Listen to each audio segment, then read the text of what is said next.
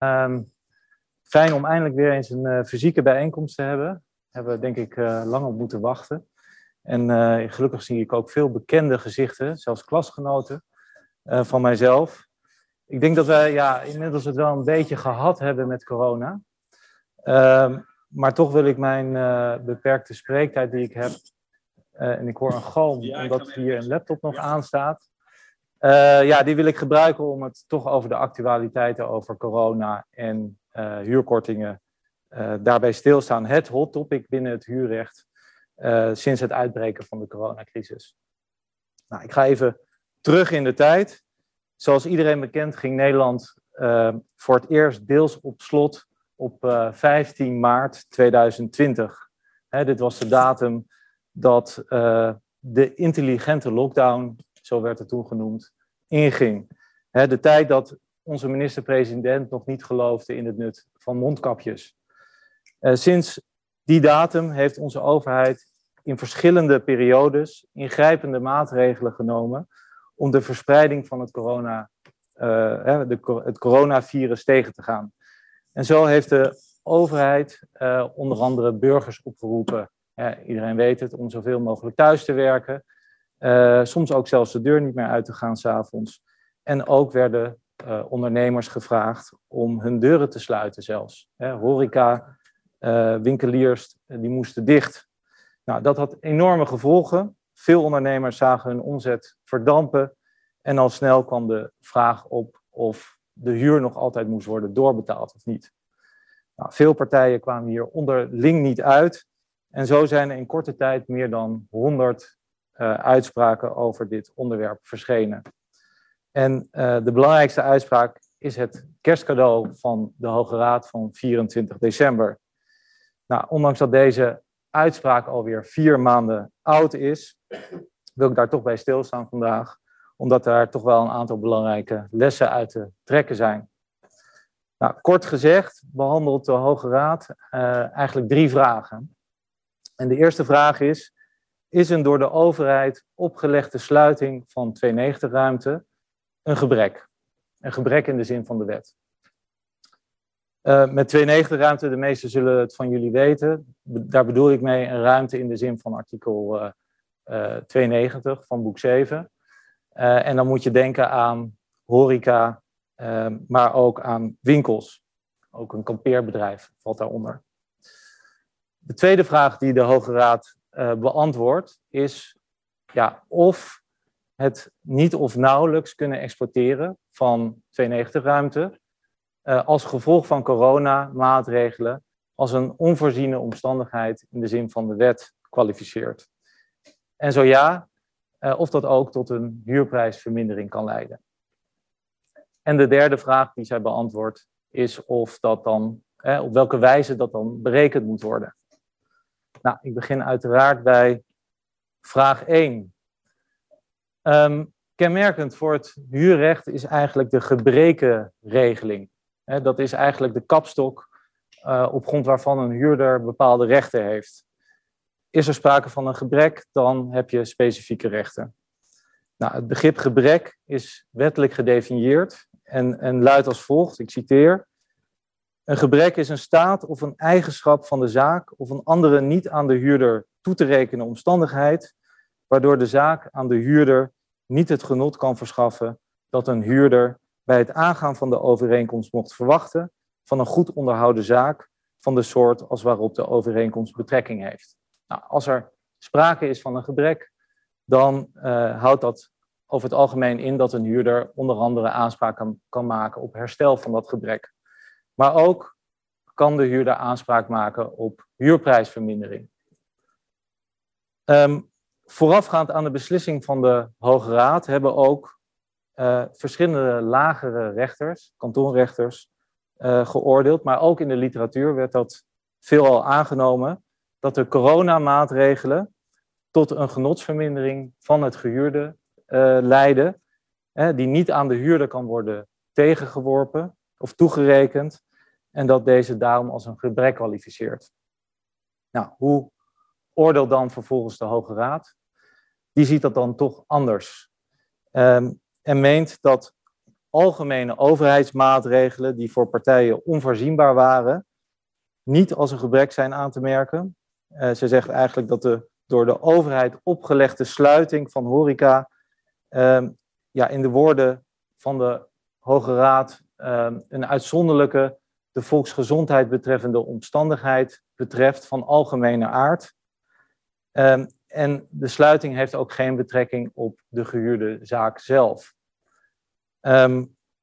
en zo beslist de Hoge Raad dat daarom de verplichte sluiting niet als een gebrek kan worden aangemerkt.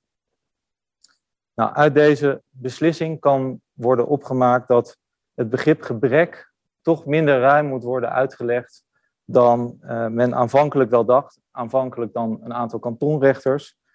Want ja, wil er sprake zijn van een gebrek in de zin van de wet, dan moet het gaan om een staat of eigenschap van de gehuurde zaak zelf. dan kan je denken aan heel simpel fysieke gebreken aan het gehuurde, een lekkend dak. Nou, dan is het duidelijk dat er sprake is van een gebrek. Maar ook een omstandigheid die specifiek met de gehuurde zaak uh, verband houdt, ja, dat kwalificeert ook als een gebrek. Bijvoorbeeld een slechte toegankelijkheid van het gehuurde door werkzaamheden in de nabijheid. Dat kan ook onder omstandigheden als een gebrek kwalificeren. Maar dus niet algemene overheidsmaatregelen die alle huurders van horecagelegenheden en winkels treffen. Zo oordeelt de Hoge Raad. Nou, ik kan mij eerlijk gezegd wel vinden in deze redenering. Um, ja, een verhuurder heeft het ook niet in de macht om dit type gebreken, wat het dus niet is, maar dit type maatregelen eigenlijk ja, op te heffen. Je kan er als verhuurder eigenlijk niks tegen doen. En de route zou dan ook zijn geweest, als het wel een gebrek zou zijn geweest, dat je via de huurprijsvermindering tot een huurkorting zou moeten komen. En dan in het stelsel van de wet zou dat eigenlijk betekenen dat het nadeel uh, eigenlijk dat wordt toegebracht, eigenlijk de, de beperking van het gebruiksgenot, um, dat dat helemaal voor rekening komt van de verhuurder. Want een gedwongen sluiting betekent veelal dat je als huurder totaal geen gebruik meer kan maken van, je, van het gehuurde. Je kan het niet meer als een winkel gebruiken. Uh, wat betekent dat er geen genot is, wat vervolgens tot de consequentie moet leiden dat, ja, dat er ook geen huur meer verschuldigd is. Nou, je zou op basis van redelijkheid en billijkheid dan toch nog tot een ander oordeel kunnen komen, maar deze route is dus niet de geëigende weg, zegt de, zegt de Hoge Raad ook. En ik kan me daar eerlijk gezegd wel in vinden. Um, op zichzelf uh, is ook nog wel goed om op te merken dat ja, in Nederland is het gebruikelijk om op basis van de ROZ te contracteren. In die algemene bepalingen van de ROZ is vaak uh, een aanspraak op huurprijsvermindering uitgesloten. Dus als de Hoge Raad had geoordeeld dat dit een gebrek zou zijn geweest, dan had dat vaak voor de huurder toch geen soelaas geboden. Um, maar goed, zij oordeelt dus, uh, of ik moet zeggen, hij oordeelt dus dat uh, het uh, ja, geen gebrek is. Nou, dan um, de tweede vraag waar de Hoge Raad uh, antwoord op geeft. en dat is de vraag: kwalificeert het niet of nauwelijks kunnen exporteren van een 290 bedrijfsruimte als gevolg van coronamaatregelen als een onvoorziene omstandigheid? En als er dan een onvoorziene omstandigheid is, hoe moet dan de huurprijsvermindering, kan dat dan tot een huurprijsvermindering leiden? Nou, het leerstuk van onvoorziene omstandigheden is in artikel 258 van boek 6 geregeld. Um, op grond van dat artikel kan de rechter een overeenkomst wijzigen of zelfs ontbinden. Uh, maar dan moet er sprake zijn van een onvoorziene omstandigheid, welke van dien aard is dat de verhuurder naar maatstaven van redelijkheid en billijkheid de ongewijzigde instandhouding van de overeenkomst niet mag verwachten. Dat is de norm. Nou, wat is een onvoorziene omstandigheid? Het moet gaan om een omstandigheid die op het moment van totstandkoming van de overeenkomst nog in de toekomst is gelegen en die ook niet in de overeenkomst is verdisconteerd. Dus twee criteria. Nou, of dit laatste het geval is, dat is een kwestie van uitleg van de overeenkomst. Nou, wat zegt dan de Hoge Raad hierover?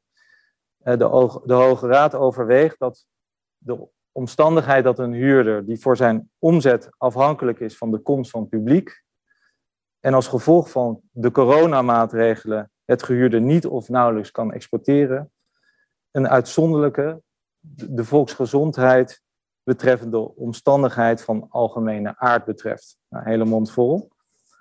Behoudens concrete aanwijzingen, zegt dan de Hoge Raad, voor het tegendeel, moet worden aangenomen dat deze omstandigheid in elk geval niet is verdisconteerd in de huurovereenkomsten die voor 15 maart 2020 zijn gesloten. Dat is de datum van de intelligente lockdown.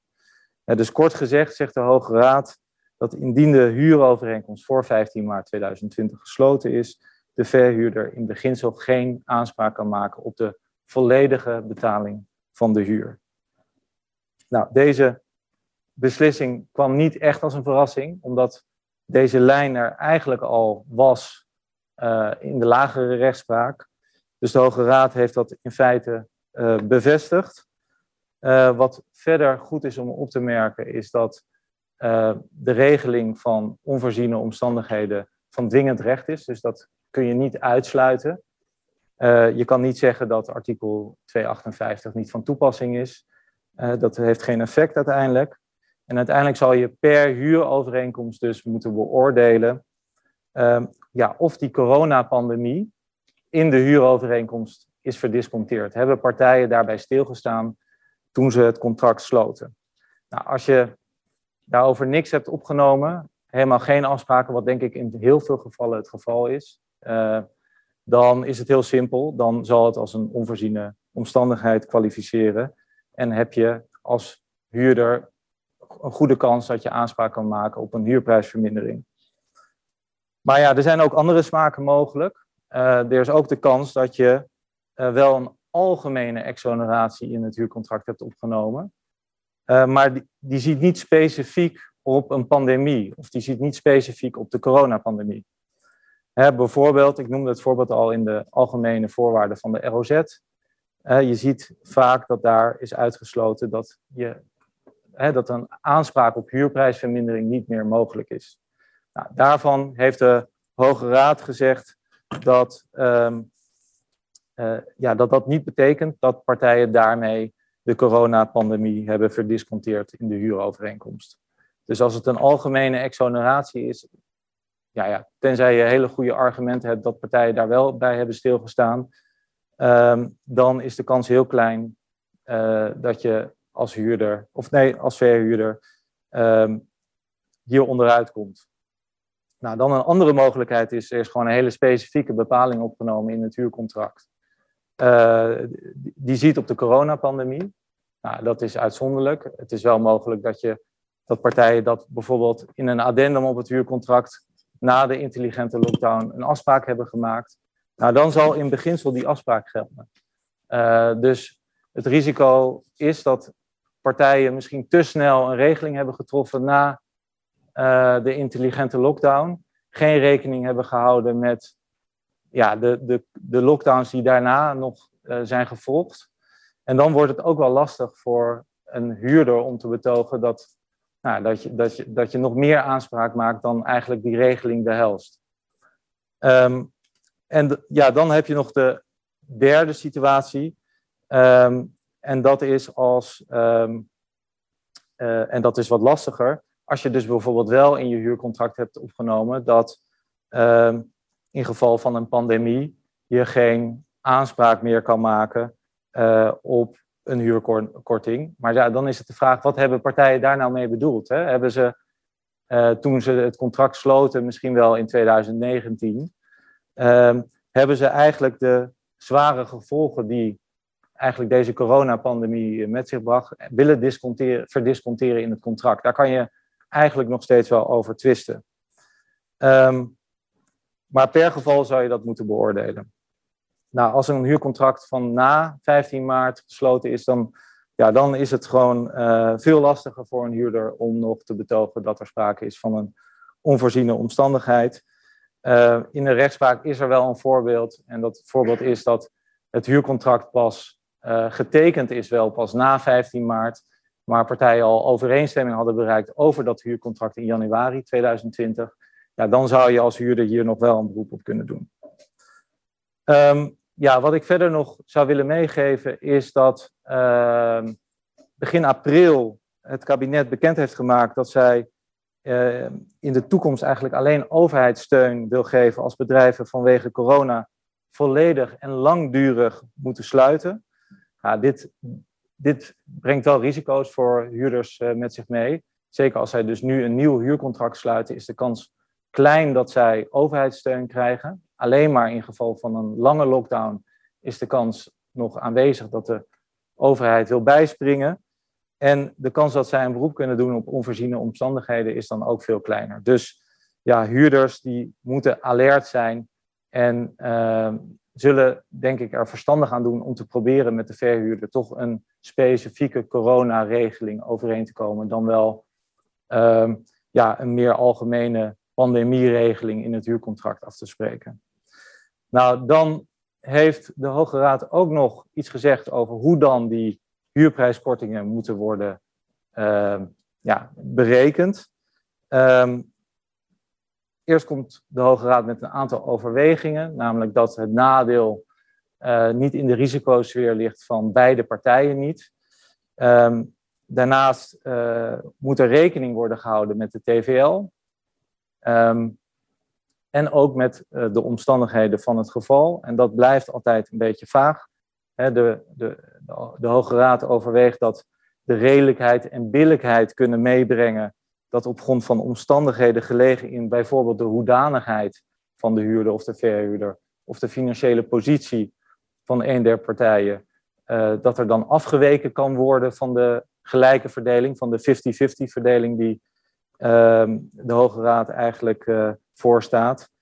En dat, ja, dat blijft een beetje vaag. Ehm, en dat is dus ook voor, voor juristen om daar iets mee te doen. Uh, want ja, als je dan kijkt naar bijvoorbeeld de hoedanigheid van de huurder, dan zou je kunnen denken aan uh, als een huurder tot een groot concern behoort, dan kan het zo zijn dat het concern wel TVL heeft gekregen, maar de entiteit die het huurcontract heeft gesloten, bijvoorbeeld de TVL niet heeft ontvangen of beperkt heeft ontvangen. Moet je daar dan nog iets mee? Uh, kan dat meespelen in die in die risicoverdeling, in die 50-50 balans. Um, een ander punt is, wat ook wel in de rechtspraak al aan de orde is gekomen, is de financiële positie van partijen. Uh, het voorbeeld wordt genoemd van een verhuurder die voor zijn pensioen afhankelijk is uh, van de, voor de huuropbrengsten. Nou, dat kan een rol spelen, zegt de Hoge Raad ook. En uh, een ander voorbeeld is een huurder heeft een tijd lang moest hij sluiten, maar heeft wel uh, omzet gemaakt door een webshop of ja, op een andere manier. Daar zou je dan ook rekening mee uh, moeten houden, voor zover die webshop vanuit het gehuurde geëxporteerd is. Nou ja, dan ehm, ja, komt de Hoge Raad eigenlijk heel concreet, heel praktisch met een, met een formule. De, de vaste lastenmethode wordt het genoemd. Nou, ik zal daar verder niet in detail op ingaan, maar er zijn wel aspecten die toch nog tot discussie uh, leiden. Uh, een, een, voorbeeld is bijvoorbeeld de referentieperiode die genoemd wordt voor het omzetverlies. Um, hè, de, de vraag komt wel op um, of je ja, naar welk tijdvak je precies moet kijken. Uh, moet je maanden vergelijken van, van een jaar over dezelfde periode? Dat, nou, daar kan je discussie over hebben. En moet je de jaren 2019 als referentieperiode gebruiken of mag je ook jaren daarvoor gebruiken? Dat kan allemaal tot een verschillende uitkomst leiden. En ik denk dat daar best wel wat discussie nog, nog steeds over is. Um, maar ja, kort en goed zegt de Hoge Raad dus dat uh, de pijn moet worden verdeeld. Uh, maar niet zozeer 50-50, want dat is toch iets te kort door de bocht gezegd. Hè. Je moet rekening houden met de TVL, met de omstandigheden van het geval. Um, en ja, daar komt in feite uh, de uitspraak op neer. Um, ja, tot slot misschien nog de opmerking dat ja, het kan dus heel goed zijn dat partijen voor deze uh, beslissing van de Hoge Raad ja, al een regeling hebben getroffen met elkaar. Ja, daar is denk ik dan weinig aan te doen. Uh, betekent niet dat, tenzij je daarin hebt voorzien, uh, dat dan in één keer die regeling niet meer geldig is tussen partijen. Uh, ander iets is, dat, en dat kan ook best zuur aanvoelen of wrang, is dat je naar de kantonrechter bent geweest, een uitspraak hebt gekregen en ehm, ja, dat, je, dat die uitspraak eigenlijk niet in lijn is met deze beslissing van de Hoge Raad. Ja, als uh, die uitspraak al in kracht van gewijs is gegaan en er dus ook geen rechtsmiddel meer open staat zoals hoger beroep, ja, dan zal je daar eigenlijk niet zoveel tegen kunnen doen.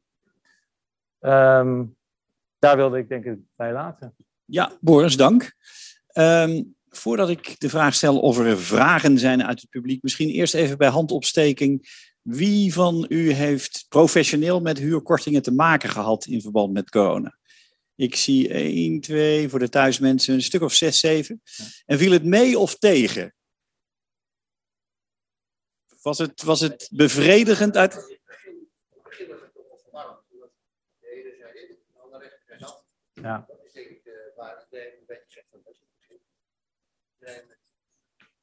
het was vooral de tegenstrijdigheid in de verschillende uitspraken die uh, iedereen een beetje de, de andere kanten op uh, ja. dreef.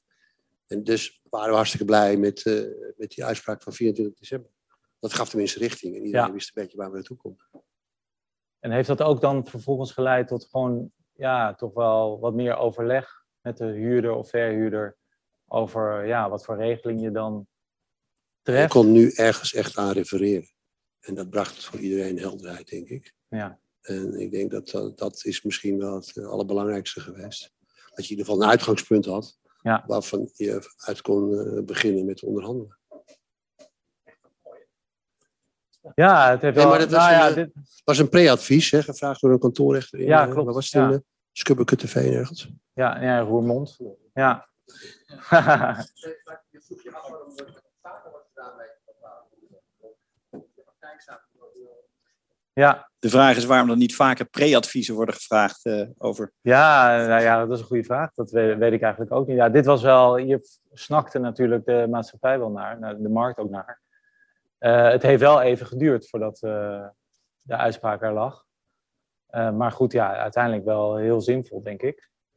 Um, er zijn zeker de vragen open. Ja.